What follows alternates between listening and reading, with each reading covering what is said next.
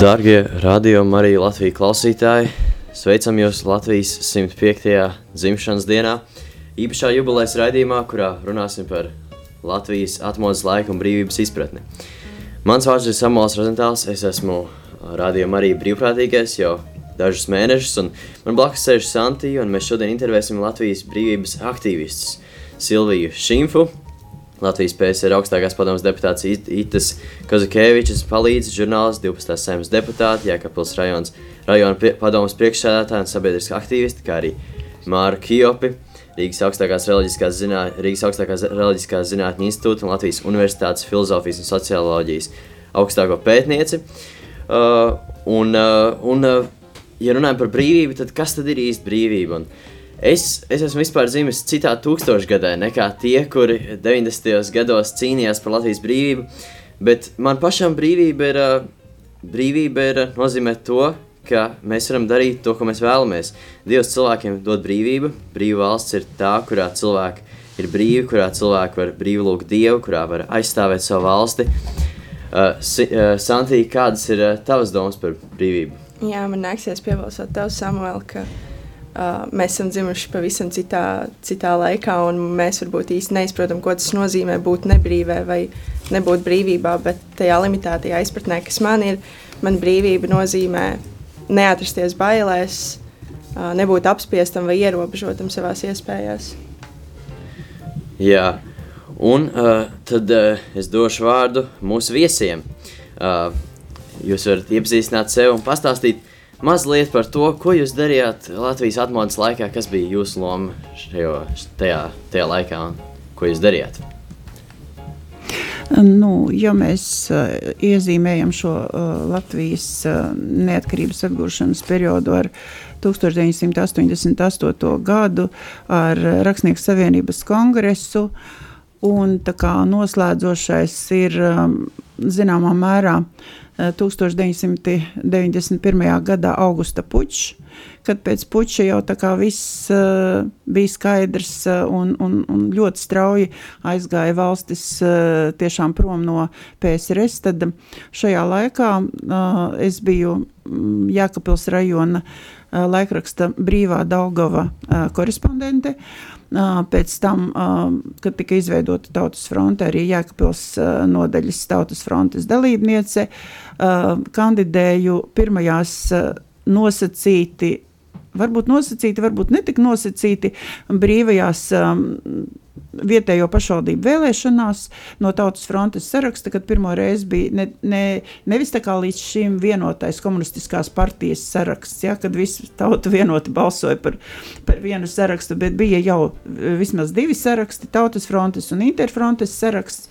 Un, uh, es startēju no Tautas frontes, man ievēlēja par Jākabals rajona padomas deputāti, pēc pusgada par uh, šīs pašas padomes, deputātu padomas priekšsēdētāju. Nu, un šajā uh, amatā, šajā postenī es biju līdz uh, 1994. gadam, bet uh, pa starpām vēl man bija tāds ļoti zīmīgs periods manā dzīvē, kad es paralēli šiem pienākumiem pildīju arī uh, Itas Kozakēvičas kā LPSR, Latvijas padomju sociālajā Socialistiskās republikas augstākās padomes deputāta palīdzes pienākumus. Es 1986. gadā pabeidzu Pēters Tučkas vārdā nosaukto Latvijas valsts universitāti. Konkrēti vēstures filozofijas fakultāti un filozofijas specialitātē, un arī pēc viena gada no nosūtījuma darba, varēja iestāties aspirantūrā, tas ir, ko šodien sauc doktorantūra, taču šīs studijas pārtrūka, jo iepazinos ar brīnišķīgiem cilvēkiem, tiešām, kas bija atmodas priekšgalā, kas strādāja laikrakstā padomu jaunatne, kas, nu, tā bija avīze, kur iznāca 250 tūkstoši eksemplāros, praktiski to lasīja tādā katrā ģimenē, nu, katrs cilvēks. Un sākumā kā korespondents, pēc tam arī e, kā politikas nodaļas vadītāja, un līdz ar to kopā ar šiem cilvēkiem, kas tajā laikā bijām, mēs, nu, var teikt, kaut kādā citā veidā, tāpat kā Silvija stāstīja, mēs arī nu, piedalījāmies un veicinājām šos visus procesus. Paldies jums! Uh, un tad dosimies pie nākamā jautājuma, un uh, tas ir ļoti, ļoti saistīts. Kas ir varbūt tie notikumi, uh, kāds pieredzes stāsts, vai varbūt tie cilvēki, kurus jūs varētu izcelt šajā laika periodā? Uh, nu tad, uh, es varētu no div, uh, divās daļās sadalīt, uh, pastāstīt uh, savu. Ne, vispirms es gribu pieminēt Itu. Es gribu pieminēt Itu, uh, jo viņa bija tiešām izcila gan poļu, gan latvijas tautas meita. Viņa bija um, izcila intelektuāli, izcils orators.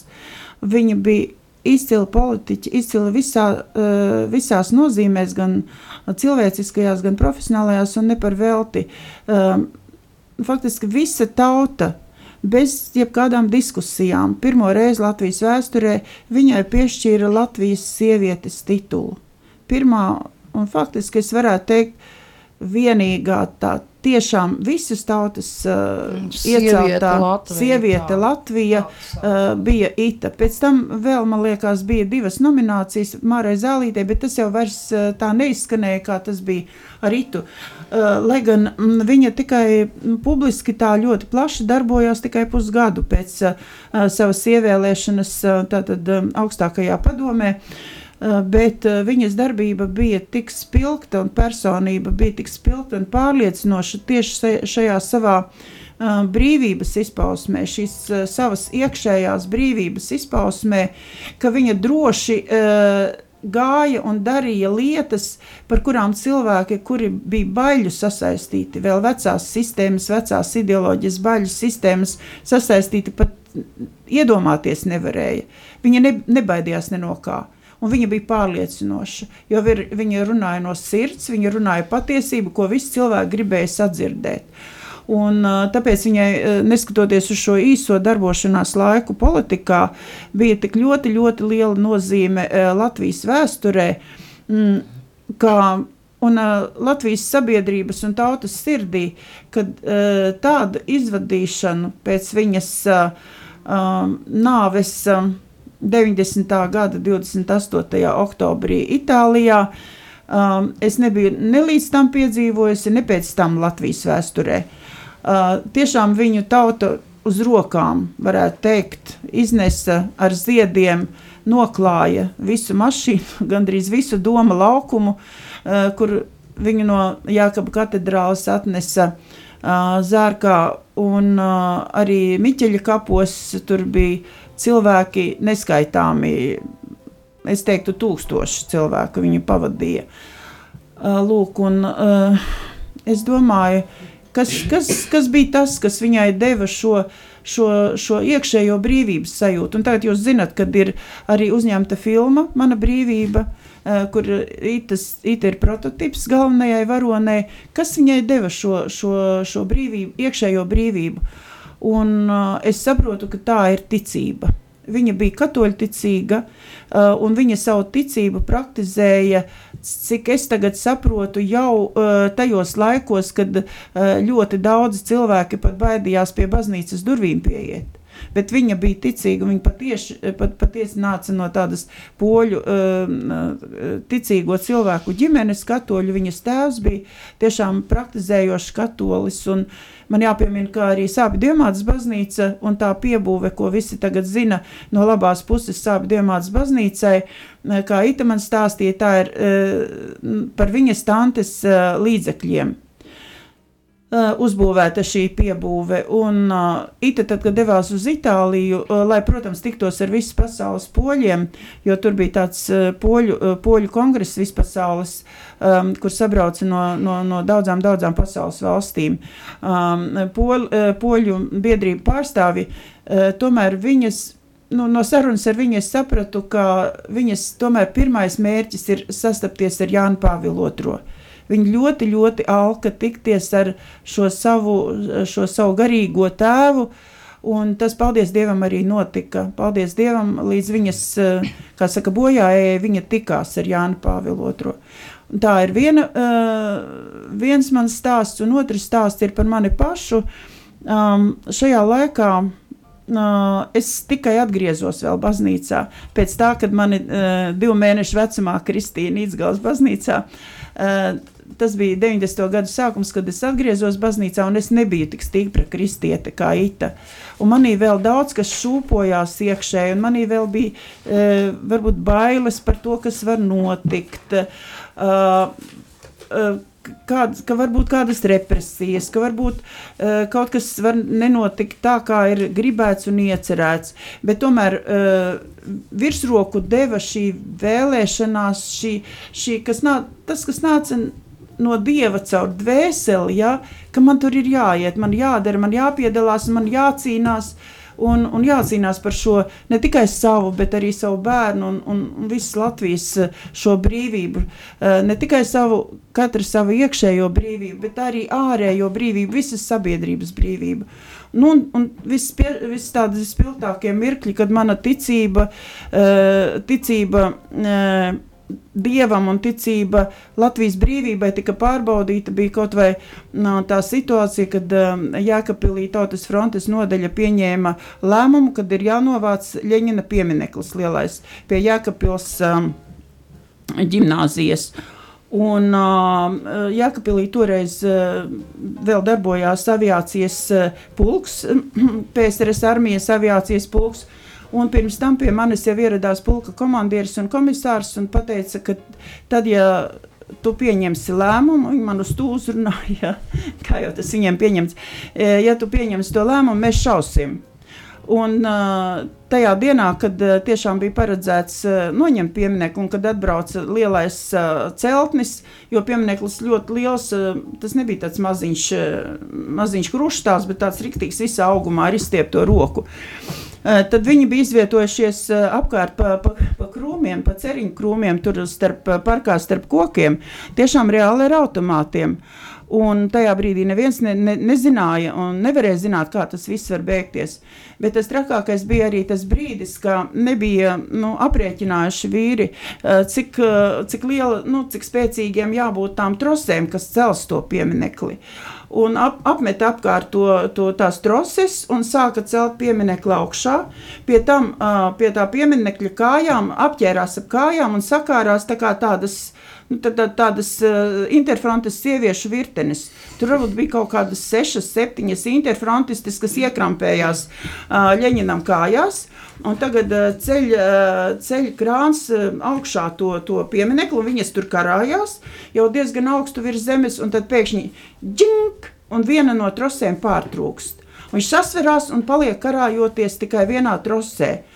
Un, nu, nu, tā noelsās visi cilvēki un tāds sastinga, kas tagad notiks.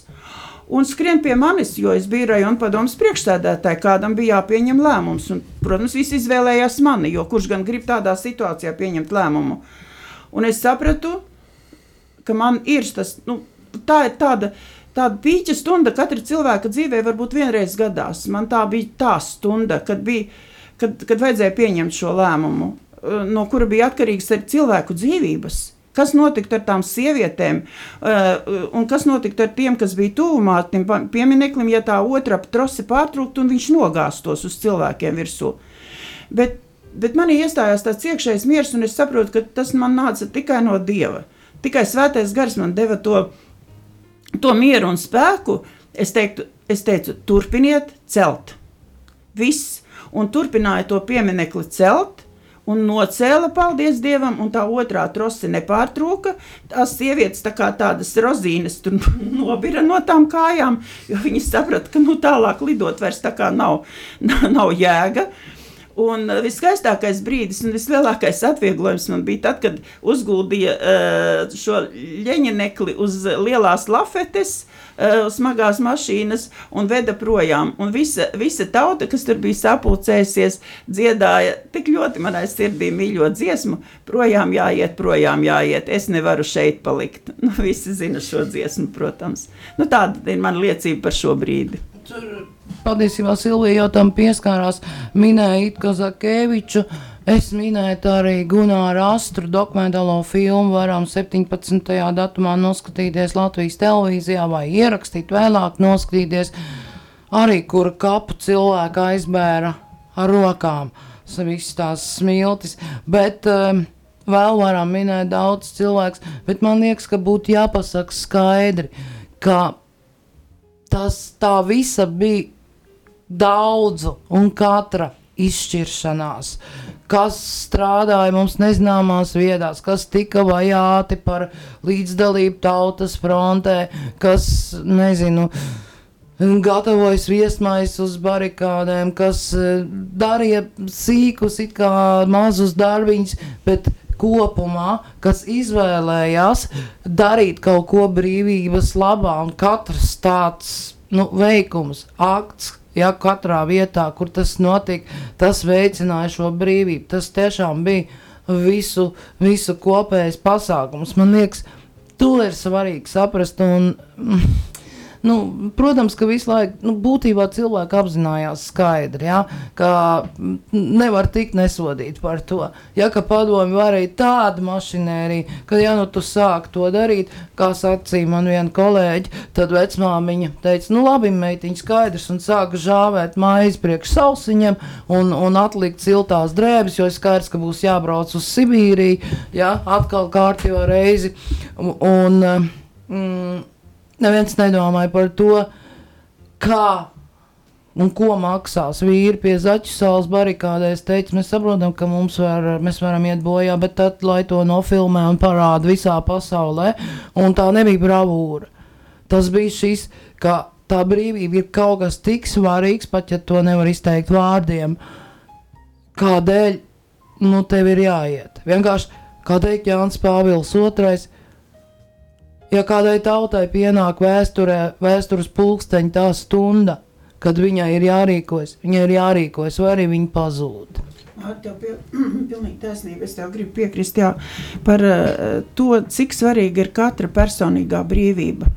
Jo tikai personīgi iekšēji brīvs cilvēks, viņš spēs eh, atrast saikni ar citiem cilvēkiem un kopā veidot šo visu uh, kopējo brīvību. Ja, un, un par, tām, uh, par tām briesmām, kas draudēja, es pilnīgi piekrītu. Cilvēki apzinājās, kas viņus sagaida. Tautfrontieši zināja, jo mums, piemēram, Jākapilī tautas uh, fronte zināja, ka mūsu interfrontisti jau ir uzrakstījuši sarakstu ar kaut kādiem 70 cilvēkiem, jo viņi cerēja, ka nāks padomu var atpakaļ.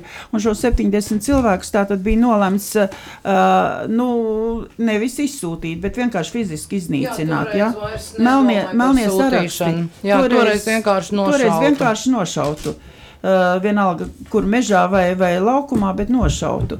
Un tāpēc, tāpēc tieši no katra cilvēka, no katra Latvijas cilvēka, kurš sevī sajūta šo kaut mazu kripatiņu šīs iekšējās brīvības vai vēlmi pēc šīs iekšējās brīvības, arī izauga tas spēks, kas, protams, bez dieva žēlstības un palīdzības nekas nenotiek, bet ir vajadzīga arī cilvēka atbilde dievam.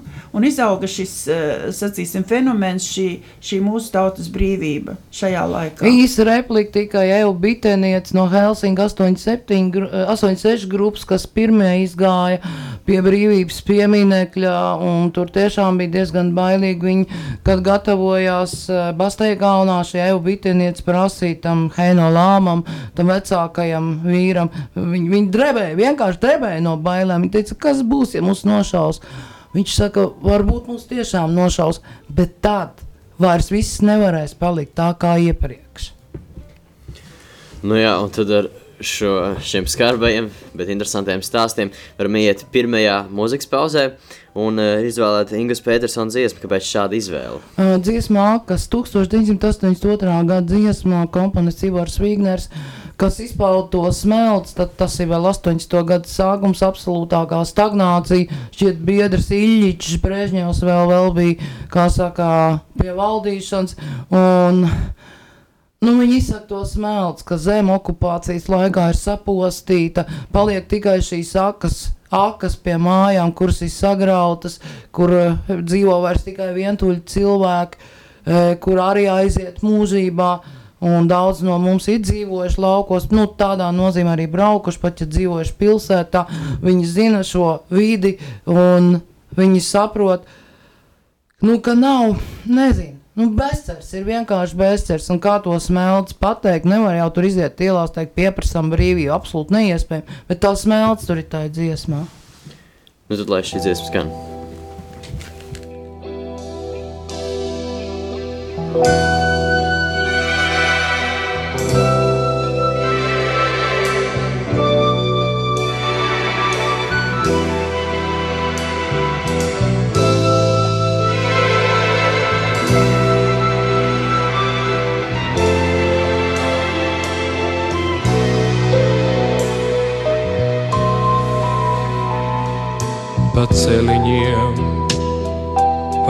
aizaugušām takām, pār pagalmiem, kur smilgas zied, vēl māmuļas pie vecām lauku akām, caur baltu rīta miglu ijā, turp viņas steidz, no kalna lejup doties un tālu pļavās.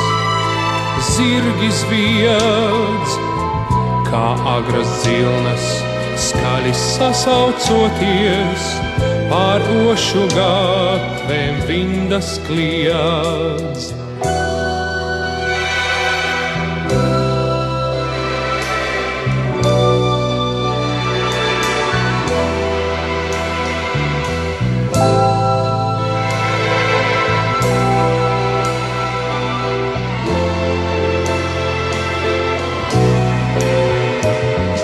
Līdz pusnaktī.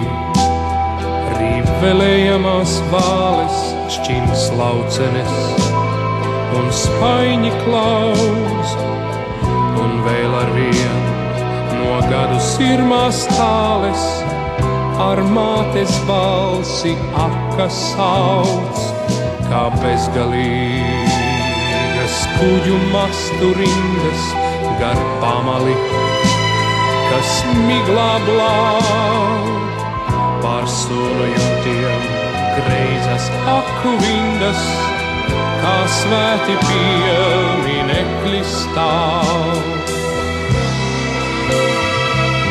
pa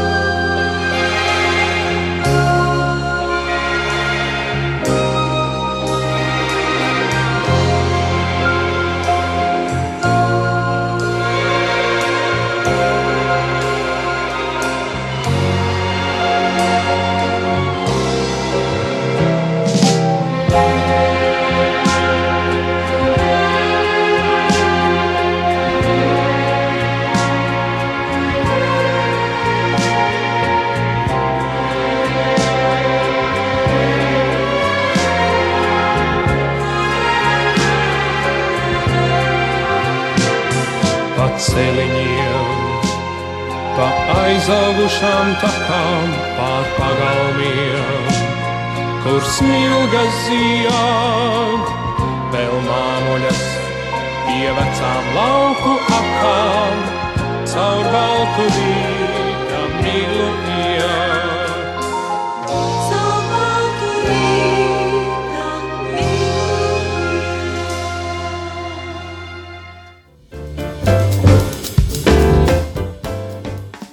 Esam atgriezušies studijā no mūzikas pauzes. Ar jums studijā ir Santija, Samuēls un mūsu viesi Māra un Silvija.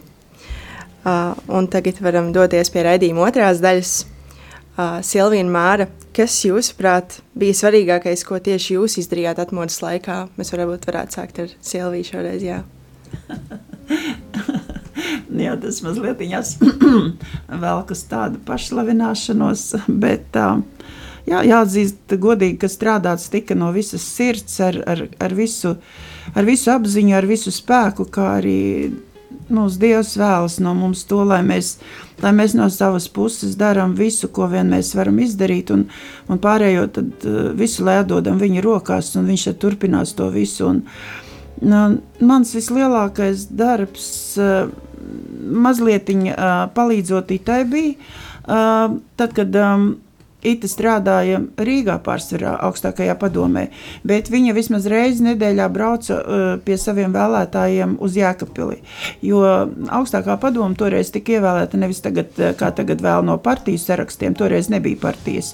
Toreiz vēlēja no vēlēšana apgabaliem, konkrēta vēlēšana apgabala cilvēki ievēlēja konkrētu cilvēku, un tā, manuprāt, ir ideāla uh, sistēma, jo tā ir visciešākā saikne starp uh, cilvēkiem, kuri balso par konkrētu cilvēku, cilvēku, no konkrēta cilvēka prasa ko viņi grib, lai uh, viņš dara tur augstākajā padomē. Un tas konkrētais cilvēks ir pilnīgi atbildīgs un viņam ir jāstrādā savu vēlētāju labā. Un viņa strādāja ļoti daudz, un man kopā ar viņu, protams, nācās strādāt ilgas stundas un tikties ar visdažādākajiem cilvēkiem, visdažādākās problēmas risināt. Un tajā laikā, kad, kad vecā likumdošana faktiski vairs nestrādāja, jaunie vēl nebija uh, sagatavoti, kad iesākās problēmas ar apgādi, kad, ieviesā, kad bija jāievieš talonu sistēma, lai sērkociņus un ziepes varētu iegādāties, kad uh, bija apkures problēmas, jo nevarēja nodrošināt Krieviju vairs mums to dīzeli tā nedeva, ja, lai cilvēki ziemā nesaltu, uh, lai sāk, uh, pamazām sākās pirmatnējā kapitāla uzkrāšana, jo veiklākie cilvēki, viņiem jau tā ideoloģija nebija tik svarīga, viņi vienkārši skatījās, kā viņi var šos jukus laikus izmantot, lai sev uzkrātu, uzkrātu kapitālu. Un varbūt jūs zinat to vārdiņu, kas ieviesās no tā laika privatizācija. Nu, tas bija laiks, kad intensīvi sākās šī privatizācija. Nu, un, protams, tad kad, tad, kad man ievēlēja par rajonu padomus deputātu priekšstādātāju, ja, tad man bija ļoti intensīvs laiks. Nu, es strādāju brīžiem pa 16 stundām diennaktī, jo mana, mana padome, kas, kuras sastāvā bija kaut kur ap 80, man liekas, 86 deputāti, ļoti, gandrīz puse bija interfronte. Un katra deputāta padomas sēde tā bija cīņa starp Tautas fronti un interfronti, lai panāktu, lai Tautas fronte panāktu tādus lēmumus un tādus risinājumus, kas ir vajadzīgi mūsu patiesās neatkarības nostiprināšanai. Un, uh, man kā padomus priekšsēdētāja bija pirmā un galvenā atbildība par to. Otrs svarīgākais moments bija uh, barikāžu laiks. Tad, kad Lietuvā pie televīzijas stācijas lija pirmās asinis, kad amonieši nogalināja cilvēkus, un iestājās šis brīdis, kad visi tā kā sastinga nu, tādā tādā zināmā paralīzē, ko darīt tālāk. Jo bija skaidrs, ka ar Lietuvu viņi neapstāsies. Viņi nāks tālāk arī uz Rīgu un arī uz Tallinu. Un mēs izlēmām, ka ar steigu jādodas pie lietuviešu kolēģiem, lai uzzinātu, nu, kā viņi organizēs šo savu aizsardzību, kā viņi pretosies. Jo mums bija pilnīgi skaidrs, ka mēs nepacelsim rociņas un nepadosimies, ka būs pretošanās um, atklātāka vai slēptāka vai partizāņu uh, cīņu veidā, bet, bet mēs pretosimies līdz pēdējiem. Jo par nošaušanas sarakstiem taču mēs zinājām. Es jau es jums pieminēju šos sarakstus. Un mēs aizbraucām pie, pie lietuviešu kolēģiem. Uh, Uh, bet viņi neko nezina. viņi visi apjukuši, viņi tikai klausās viļņu, kas notiek viļņā. Un iznāca tā, ka mēs braucām pie viņiem mācīties, bet īstenībā mēs viņus mācījām. Jo man, paldies Dievam, bija ļoti, ļoti spēcīga tāda vīru komanda, tautfrontiešu nacionālās neatkarības kustības uh, vīri, kuri, kuriem jau bija militārā pieredze, kuri jau zināja par šīm uh, pagrīdes cīņām un visu, un tad mēs ap, apmācījām lietuviešus, atbraucām atpakaļ. Un tad mēs uh, izvedām tipogrāfiju, noslēpām mežā, uh, iznīcinājām uh, vis, uh, visas lietas, kas, ko varētu izmantot ienaidnieki. Un uh, sākām strādāt pie, pie tā, lai atbalstītu barikādes. Un, uh, man katru dienu bija uzruna vietējā radiotīklā cilvēkiem, uh, kur es katru dienu stāstīju, kas notiek uh, Rīgā, kas notiek rajonā, kā mēs eh, šīs lietas risinām, un aicināju braukt uz Rīgu, stāstīju tīri tehniskās lietas, kāda autobusi, eh, ko, kam jāpiesakās, kur, kur jākāp, jābrauc. Eh, vienmēr sakot, visas barikāžu dienas mums notika tāds ļoti praktisks darbs ar, ar, ar mūsu cilvēku plūsmas organizēšanu uz Rīgu. Un jāteic, ka jēkapilieši bija pirmie, jēkapils lauktehnikas vīri bija pirmie, kur uz Rīgu aizbrauca ar smago tehniku cepurinos. Mums bija ļoti laba lauktehnikas šī tautfrontiešu organizācija un bez vārda runas. Un, ļoti gribēja cilvēki visi palīdzēt un atbalstīt, un tie, kas nevarēja aizbraukt dažādu iemeslu pēc, viņi nesa ēdienu, viņi sūtīja siltās lietas, deva līdzi tiem, kas brauc uz Zaķu salu. Mūsu Jākapils, mums, mums Jākapilī bija atvēlēta Zaķu salas torņa teritorija, Zeķuselas aizsardzība. Un man atmiņā ļoti palicis, kad piezvanīja viena uh, sieviete, viņa uh, otrās grupas invalīde. Un viņa, uh, viņa dzīvo kopā ar dēlu, kurš arī hroniski slims, un viņa nevar neviens aizbraukt. Viņa teica, lūdzu, atbrauciet pie mums. Mēs sagatavojām konserviņus, mēs sagatavojām zeķītes, lai būtu cimdus, lai būtu silti.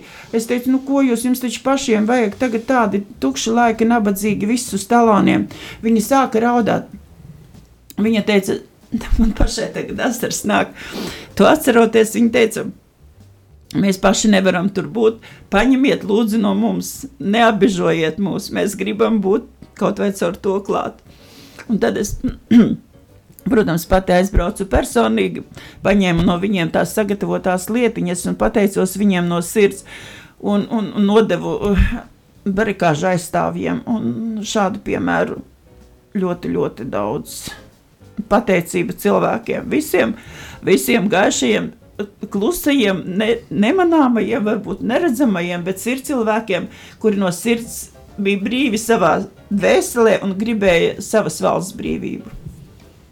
Paldies jums, Māra!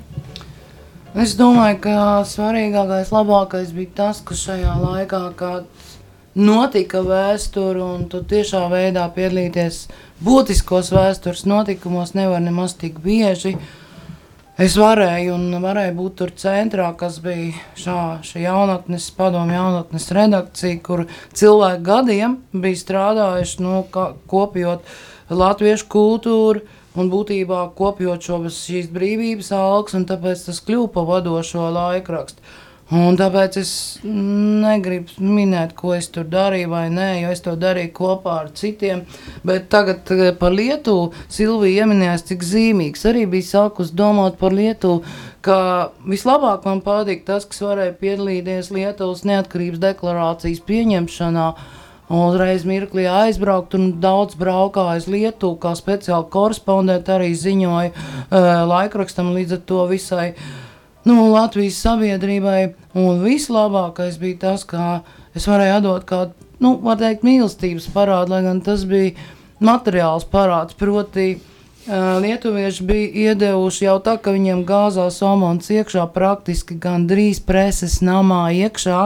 Mums vajadzēja drukāt avīzi, toreiz jau avīzi elpa, un viņa aizdeva, nu, papīra ruļļus, jā. Nu, tu tik, cik nepieciešams nodrukāt avīzi, un daži teica, paklausies, bet mums taču iebruks, un tas, uh, nu, priekšnieks teica, bet mums iebruks tik un tā palīdz vismaz latviešiem nodrukāt. Un tad mēs braucām atpakaļ, un tur tas saulrietis bija tāds tiešām asiņains sarkans. Bet tad, kad Lietuvā bija blokāde, un viņi, nu, pres, viņu preses nams bija okupēts, Uh, man es piezvanīju, teicu, mēs tagad jums varam atdot parādu. Viņi norādīja, jābrauc uz vienu mazu pilsētu, tā ir Rūtēnas pilsēta, nu, tur aiz Daugavpils kaut kur uz leju. Mēs ilgi maldījāmies. Mēs divos naktī beidzot atradām to ūtenu, ja?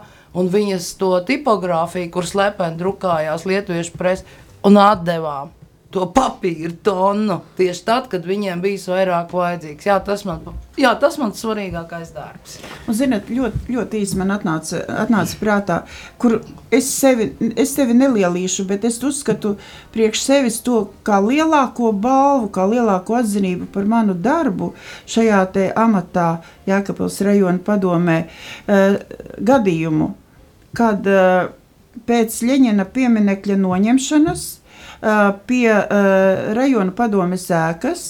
Piebrauca, man pēc tam stāstīja, piebrauca smagā armijas mašīna, No smagās armijas mašīnas izkāpa pulka komandieris, komisārs un vēl kaut kādi 5, 6 apbruņoti ar, ar, ar automātiem armijnieki un iegāja rajona padomē.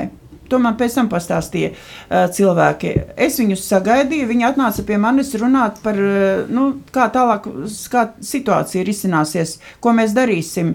Tagad ir tā pati situācija, kad, kad viņi vairs nevar brīvi rīkoties, un mēs arī vēl tā kā nesam pilntiesīgi rīkoties. Bet cilvēki to bija sapratuši, jēkapilieši to bija sapratuši, ka viņi ir atbraukuši mani arestēt. Un es pēkšņi dzirdu aiz loga kaut kāds milzīgs, milzīgs troksnis. Un es tagad pieeju pie loga un skatos, viss laukums tur pie universāla veikala, visa tā iela, kas, starp, kas gāja starp rajonu padomu un universālu veikalu, uh, pilna ar cilvēkiem. Un mašīna ir aplenkta, visriņķi ir cilvēki. Un es tagad nesaprotu, kas notiek. Un man pēc tam paska es, es eh, paskaidroju, pēc tam uh, viņi teica, ka uh, mēs domājām, ka jūs atbrauca arestēt. Un mēs atnācām jūs aizstāvēt, jo mēs nebūtu ļāvuši, ka jūs arestē. Mēs būtu visi metušies virsū tiem arminiekiem, un lai viņi dara, ko grib, bet mēs jūs aizvest neļautu. Nu, tas ir vērtējums tam, ko es darīju. Tad. Nu, jā, ļoti spēcīgi stāsti. Uh, un tad varbūt vēl tāds jautājums pirms uh, nākamās mūzikas pauzes. Kas jūsuprāt vispār bija tas svarīgākais notikums, tieši jūsuprāt, kas veicināja atmodu Latvijas atjaunošanos? Uh, tur, tur var būt dažādi varianti, bet ka, kas jums liekas, kas bija tas nozi nozīmīgākais, kas bija tas svarīgākais, kas cilvēkos raisīja atmodas jūtas un kuros cilvēki izpauda uh, cik viņam ļoti svarīgi ir Latvija?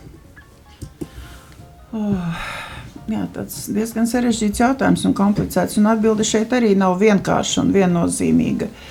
Bet es domāju, ka tās ir tautas saglabātās atmiņas, vienalga caur tēviem, caur vectēviem, vecmātēm, vectēviem, viņu pašu vēl, kas uz to laiku bija dzīvi, par 18. gadu par eh, šo neatkarības atjaunošanu, par šo Latvijas karogu, par brīvo valsti, par cīņu pret Bermontu, par, par, par Berbonta bandu sagraušanu, par 19. un 20. gadā šīs neatkarības cīņas, ka tiešām asinis tika lietas, ne tikai deklarācija, kā e, Nacionālā teātrī tika pieņemta 18. gadā, bet, bet šī deklarācija jau bija jāizstāv reāli ar savām asinīm. Tas viss bija dzīves tautas gēnos, tas bija iekšā. Latvieši gribēja būt neatkarīgi, latvieši gribēja savu valsti. Un tas viss ārējo apstākļu veiksmīgu dēļ un šīs, eh, šīs cilvēku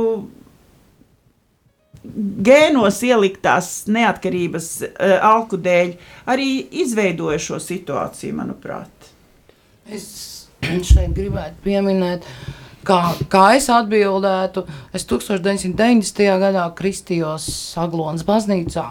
28 gadu vecumā un sāku kaut ko vairāk saprast par realitāti. Uh, Un pasauli, kurā es dzīvoju, par cilvēkiem, kādi kā bija marginalizēti padomu laikā, bet no kuriem ļoti daudz kas bija atkarīgs no ikviena ticīgā. Un es atsauktos uz Krāslaus dekāna Jā, Jāzepa Lapkovska vārdiem, kurus viņš teica savukārt Valmieras dekāna Vojtiņa tēva jubilejā. Viņš teica, kā jūs domājat, kur, kur tika izcīnīta šī brīvība, nu, atjaunotā brīvība. Tad, tad kad gulāga nometnēs Sibīrijā, priesteri un gulēja barakās un slepeni uz krūtīm celebrēja svēto misi ar maizes gabaliņiem, konzervu kārbās, staļos. Uh, tur, tur viņi tika izcīnīti un ar tiem upuriem, uh, kas tika nesti, nu, pievienojot arī to, ko Silvija saka, bet es gribu, lai, lai cilvēki saprot, tā atbildi ir, nu, tie cilvēki, kas ir vienībā ar Dievu, viņi nesa šos upurus un lūdzās par mums visiem arī, lai mēs varētu atgriezties baznīcā, Un, starp citu, arī Paulsām Annas brigadērs grāmata Dzels Dūra, tur ir liecības par šo nu, cīņu pret Bermontu, ko cilvēki darīja. Viņi pulcēs ap ugunskuriem, Viņi lūdzās, viņi lasīja Jāņa evaņģēli, apokalipsi. Tie bija cilvēki, kas varēja izcīnīt brīvību. Un tad šodien paskatīsimies, ko vai mēs varam noturēt brīvību. Mēs nevaram to izdarīt bez Dieva. Un vajadzētu apzināt visiem to, nu, saprast un kaut ko darīt savas tautas labā un savas zemes labā, arī tiešām pievēršoties Dievam. Pilnīgi taisnība, Mārta, es tev piekrītu, jā. Pilnīgi jā. taisnība. Jā, un tagad mēs iesim mūzikas pauzē. Dziesma svētvekars, varbūt kāds neliels vārds par kāpēc šī dziesma ir. Nu, tur pat nav ko komentēt. Es Samuēl tev paprasīju, tu teici, ka tu ar to dziesmu zini.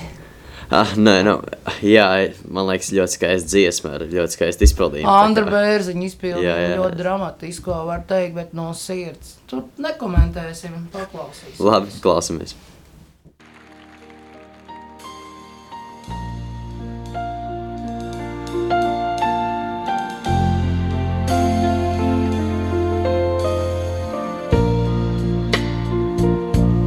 Šī dieva zeme ar gaujas lēgām, ar stārķu likstām un kurmju ejām, ar cēsim kalsiem un jaunām sejām, ar ļaužu balsiem un raiņa dzējām ar cēsīm palsiem un jaunām sejām, ar ļaužu balsiem un raiņa dzējām. Par verga algu es tajā sirkšu, par indes malku es viņu pirkšu.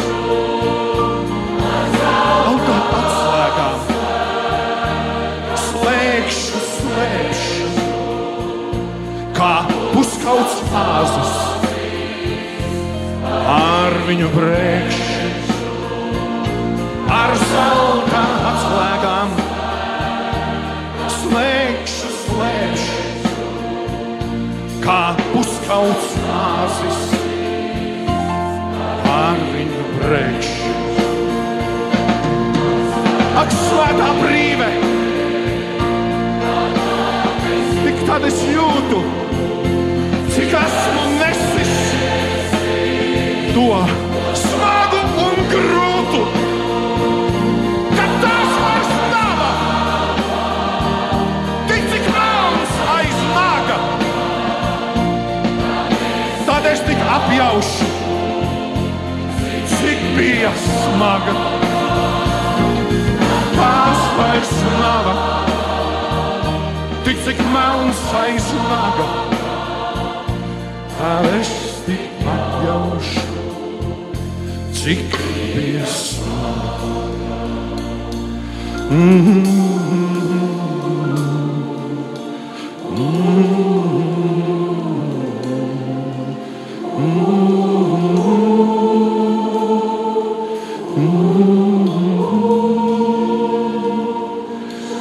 Šo liktenes zemi šais svētvakaros no manas dvēseles kāds noņem nost.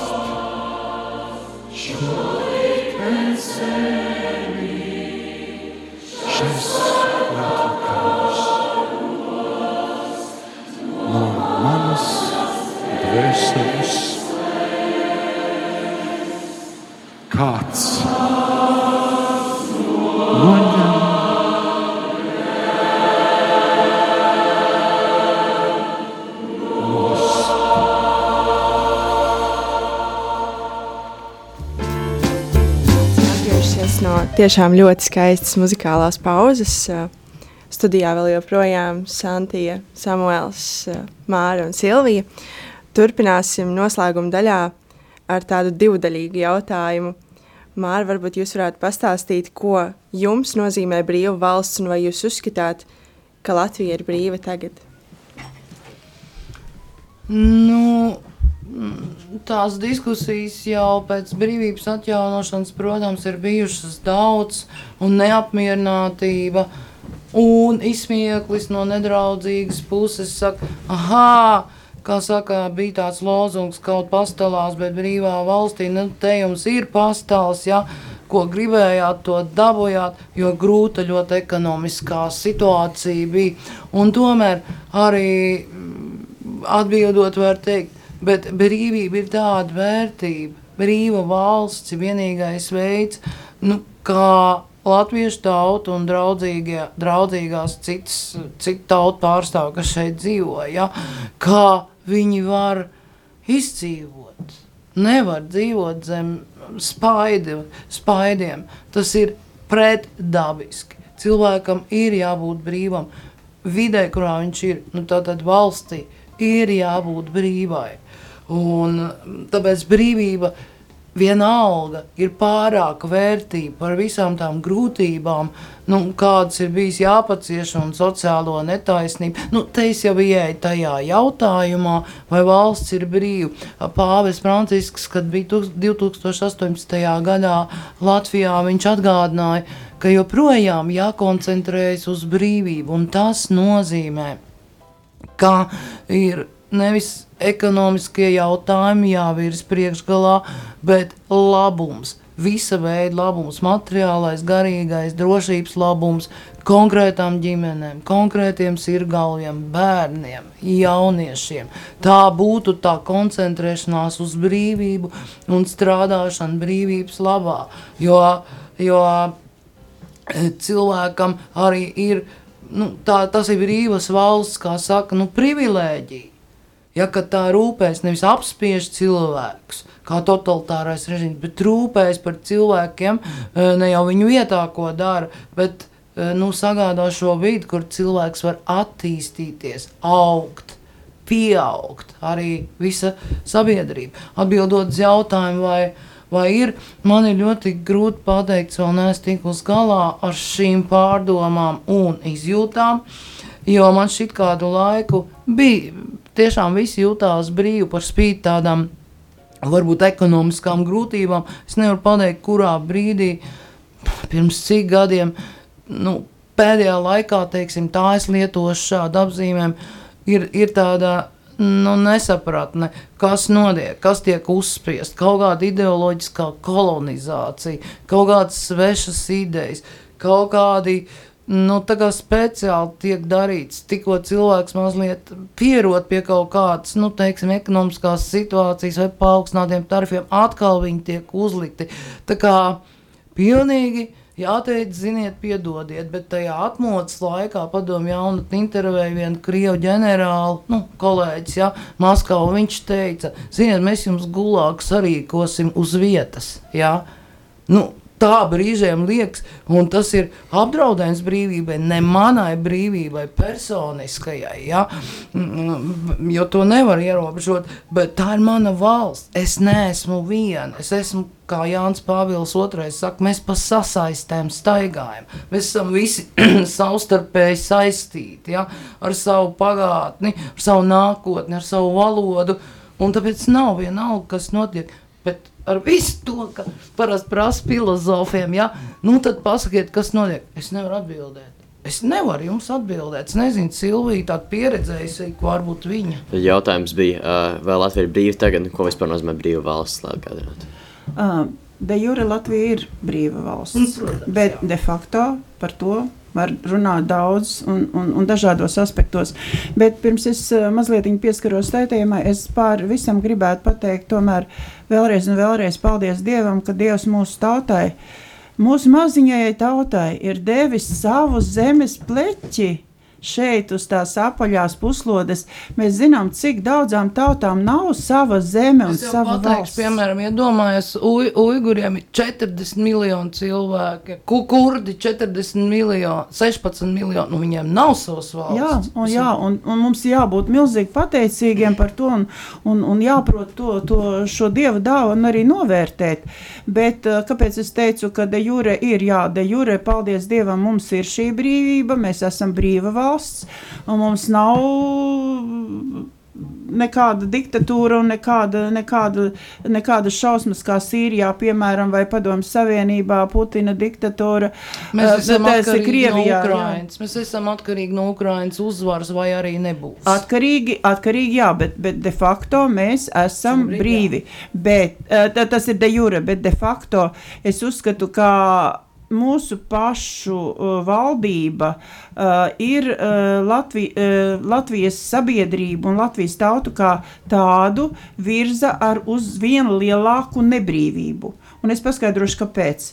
Tāpēc, ka es piedzīvoju tos laikus, kad mēs, uh, kā saka, tīrā vietā sākām veidot paši savus likumus, noteikt paši, kā mēs dzīvosim savā valstī. Un eh, šajā procesā ļoti aktīvi iekļāvās pašvaldības. Jo uh, savā laikā, kad bija šie grūtie brīži dzīvē, ja, toreiz uh, Anatolijas Gorbanovs vadīja augstāko padomi. Uh, un tad, kad nāca um, šis. Um, barikāžu laiks un puķu laiks, uh, viņš sasauca rajonu padomus priekšstādātājus. Toreiz bija 26 rajoni, es biju viena no tiem uh, 26 rajonu priekšstādātājiem. Un viņš pastāstīja situāciju, kāda ir Rīgā. Viņš teica, brauciet uz vietām un dariet, ko varat. Jo, ja noturēsieties jūs, tad noturēsies arī Rīga un noturēsies Latvija kopumā. Mēs aizbraucām uz vietām un darījām, ko varējām, jo mums bija pilnvaras lemt, un nebija Rīgā tāds viedoklis, kā tagad valda, ka tikai Rīgā sēž tie visi gudrie, kas zina, kā Latvijai būs dzīvot. Kad uh, visi pārējie tur ir kaut kādi, nu, kas saka, nepilnvērtīgi valsts pārvaldītāji, un jums būs klausītu centrāl, centrālajai varai. Un gluži nemanot, eh, pamazām, pamazām mainot likumus, pašvaldībām tika atņemtas uh, praktiski pilnīgi tā sacīt politiskās tiesības, tika atstātas nu, sētnieka tiesības. Kaut kādas santehniķa tiesības. Tev tikai būs jānodarbojas ar savu kaut kādu pakalpojumu sniegšanu. Tu nedrīkst nodarboties ar saimniecisko darbību, tu nedrīkst iesniegt priekšlikumus grozījumiem likumos, bet kādreiz tie bija, manā laikā tie bija. Pašvaldības varēja iesniegt gro, grozījumus likumos un ietekmēt tos, kas sēž saimā, un piespiest viņus diskutēt par šiem jautājumiem un paskatīties, kā to redz, kā saka, uz zemes, uz vietām cilvēki, ne tikai Rīgā. Un, un, un pamazām to varu centralizēt, centralizēt, centralizēt, savilka visu Rīgā.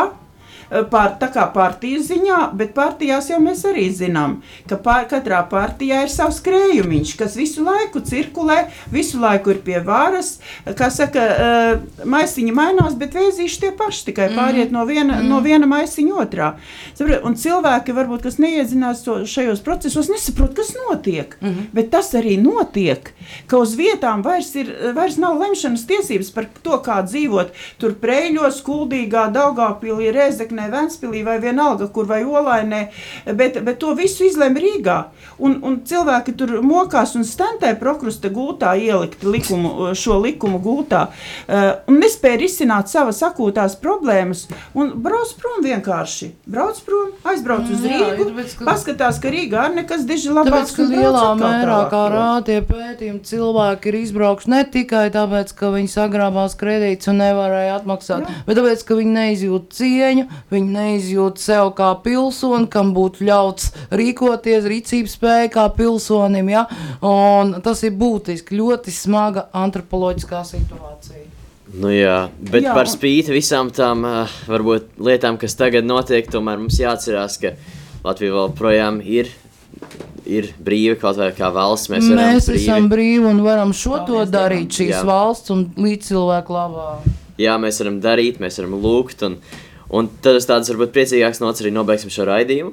Uh, ar jums kopā bijām uh, es, Samuēls un uh, Santija. Un uh, arī viesi Māra Kijope un Silvija Šīmfa. Lielas paldies! Paldies, Samuēl un Santi. Jūs esat brīnišķīgi jaunieši. Jā, lieliski novadījāt mūsu sarunu. Paldies Paldies, un jums. svētīgu dienu visiem, gan jums, gan mūsu klausītājiem. Jā. Paldies!